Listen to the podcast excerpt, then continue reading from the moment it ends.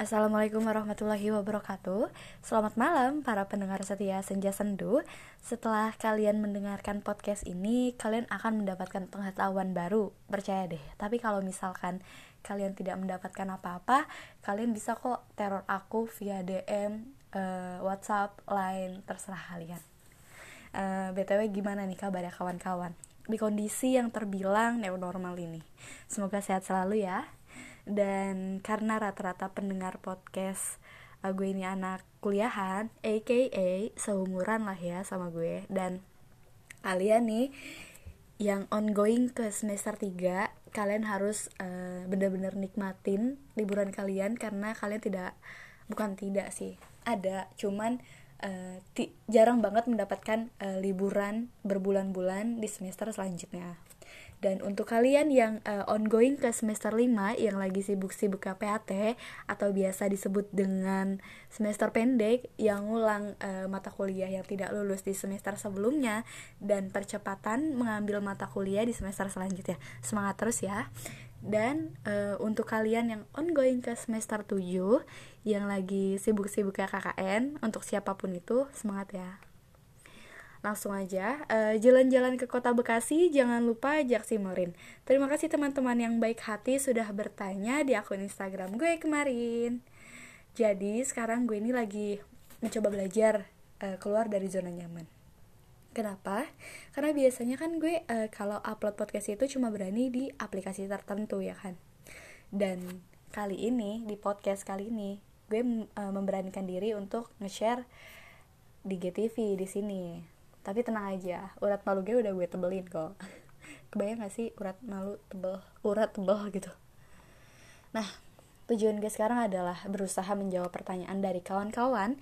Dan maaf banget uh, untuk uh, podcast yang pertama ini gue cuma bisa ngambil lima pertanyaan. Uh, yang menurut gue itu asik nih buat dibahas dan diulik Mulai aja ya. Yang pertama pertanyaan dari Ed Asifa Maulidini. Gimana cara Dina kalau ngadepin ketika keluarga terdekat malah body shaming ke diri kita sendiri? Sebentar. Aku berusaha memperbaiki redaksinya dulu ya. Mungkin gini kali ya yang dimaksud. Din, gimana cara kamu menghadapi ketika keluarga terdekat malah body shaming ke kita? Menurut aku nih, emang sih orang terdekat yang terkadang malah menghancurkan semangat, mimpi-mimpi kita, dan bahkan uh, membuat diri kita itu mengalami mental health. Ya, walaupun niatnya bercanda, kalau udah menjurus ke fisik sakit ya kan, mau dari mulut siapa pun. Tapi yang harus kalian tahu, self love itu penting. Tapi bahaya juga ketika self love itu udah kalian tanamkan di diri kalian sendiri, lalu kalian mendapatkan perkataan yang mengarah ke body shaming. Akan berubah 100% jadi sean ke diri kalian sendiri. Misal eh emang gue begini ya? Ih kok kata orang gue begini? Gitu. Iya nggak? Iya kan? Nah yang harus digaris bawahi adalah standar pandangan dari masing-masing individu itu berbeda. Misal lo suka lari tapi ada aja nih yang julid ah lari terus nggak tinggi-tinggi. Ya mungkin standar tinggi bagi dia itu 165 cm kali ya bagi cewek. Ya selagi lo oke-oke aja maksud oke itu tinggi lo setelah rutin lari itu masih segitu-gitu aja.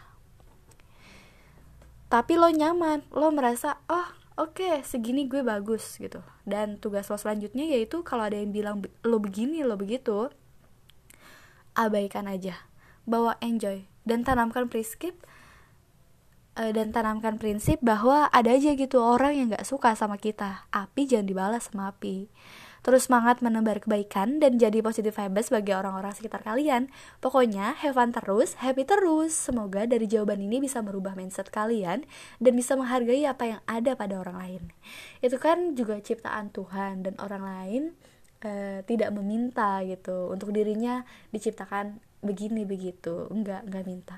Jadi hati-hati saat kalian mengucapkan sesuatu kepada lawan bicara kita, kan kita nggak tahu nih seberapa besar uh, menyakitkan hati orang lain nantinya.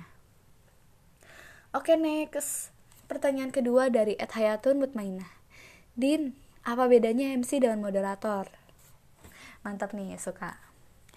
Jadi, suatu acara itu dinilai sukses atau tidaknya itu dari MC. Sedangkan sukses atau tidaknya suatu diskusi itu tanggung jawab dari moderator. Nah, MC itu ada tiga cabang, formal, semi formal, dan non formal. Dan dari masing-masing itu punya tempatnya sendiri, sesuai acara yang sudah berlangsung. Ya, kan gak lucu kalau misalkan acara pensi dibawakan secara formal, ya kan? Terus juga acara launching dibawakan secara non formal, kan keluar jalur ya. Tapi kalau moderator itu udah pasti semi formal.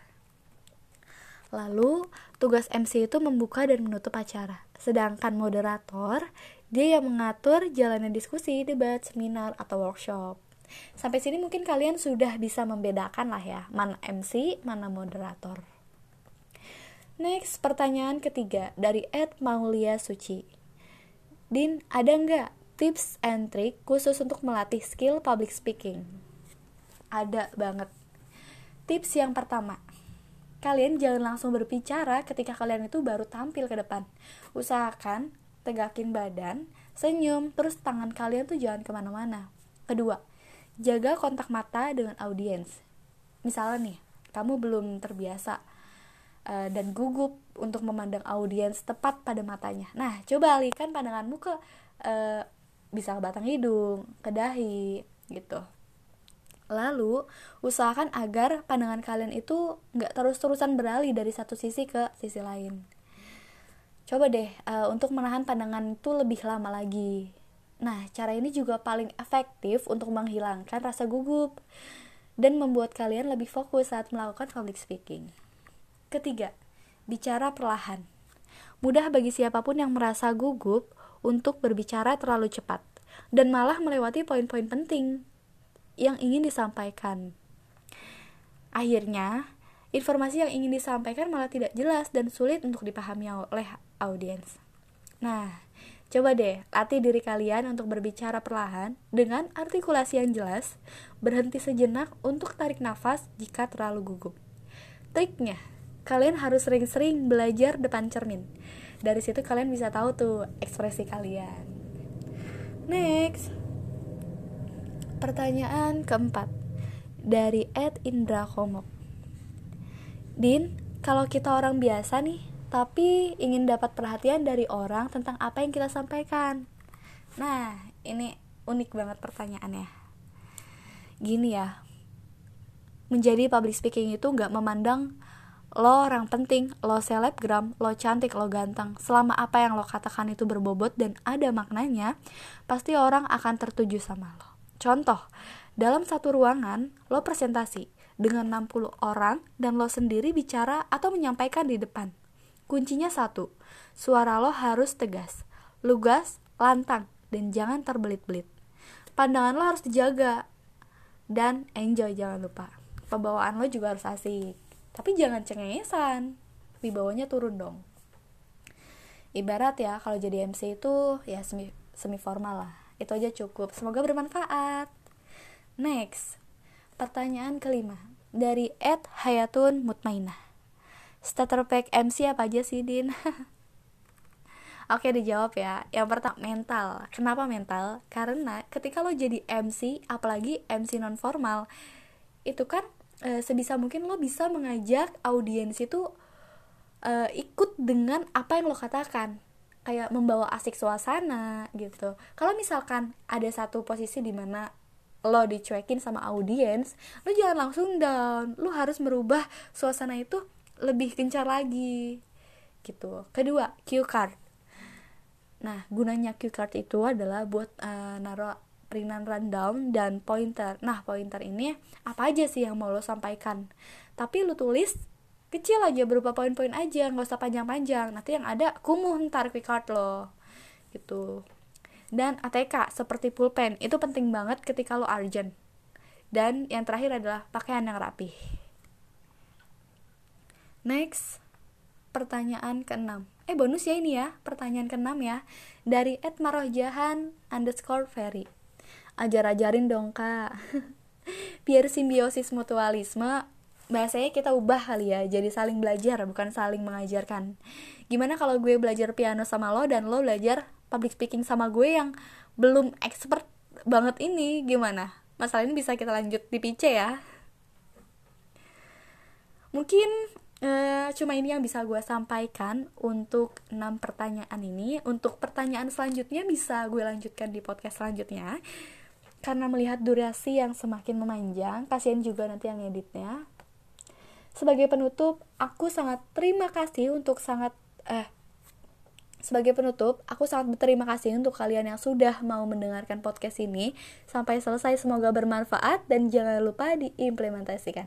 Wassalamualaikum warahmatullahi wabarakatuh.